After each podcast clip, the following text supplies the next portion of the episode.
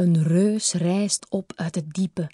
Zijn huid glanst. Ik strek mijn hand naar hem uit, maar kan hem net niet raken. Mijn walvis scheert over mijn vingertoppen en buitelt rondjes om de toren. Lilia, een kneepje in mijn schouder, een vertrouwde stem in mijn oor, een baard van maanden kriebelt in mijn hals. Papa? Mijn mond valt nu pas open van verbazing. Die avond is alles zoals het was, maar anders. Papa en ik zitten warm ingeduffeld bij een groot vuur in de baai. We roosteren worstjes, zeven voor papa en zeker evenveel voor mij. En voor Hertzie wel een vis of tien. Soms, als we niet kijken, slaat mijn walvis zijn vinnen op het water van plezier.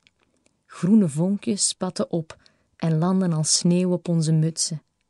Ik vergeet het haast te eisen. En nu vertellen. Wat heb je deze keer ontdekt?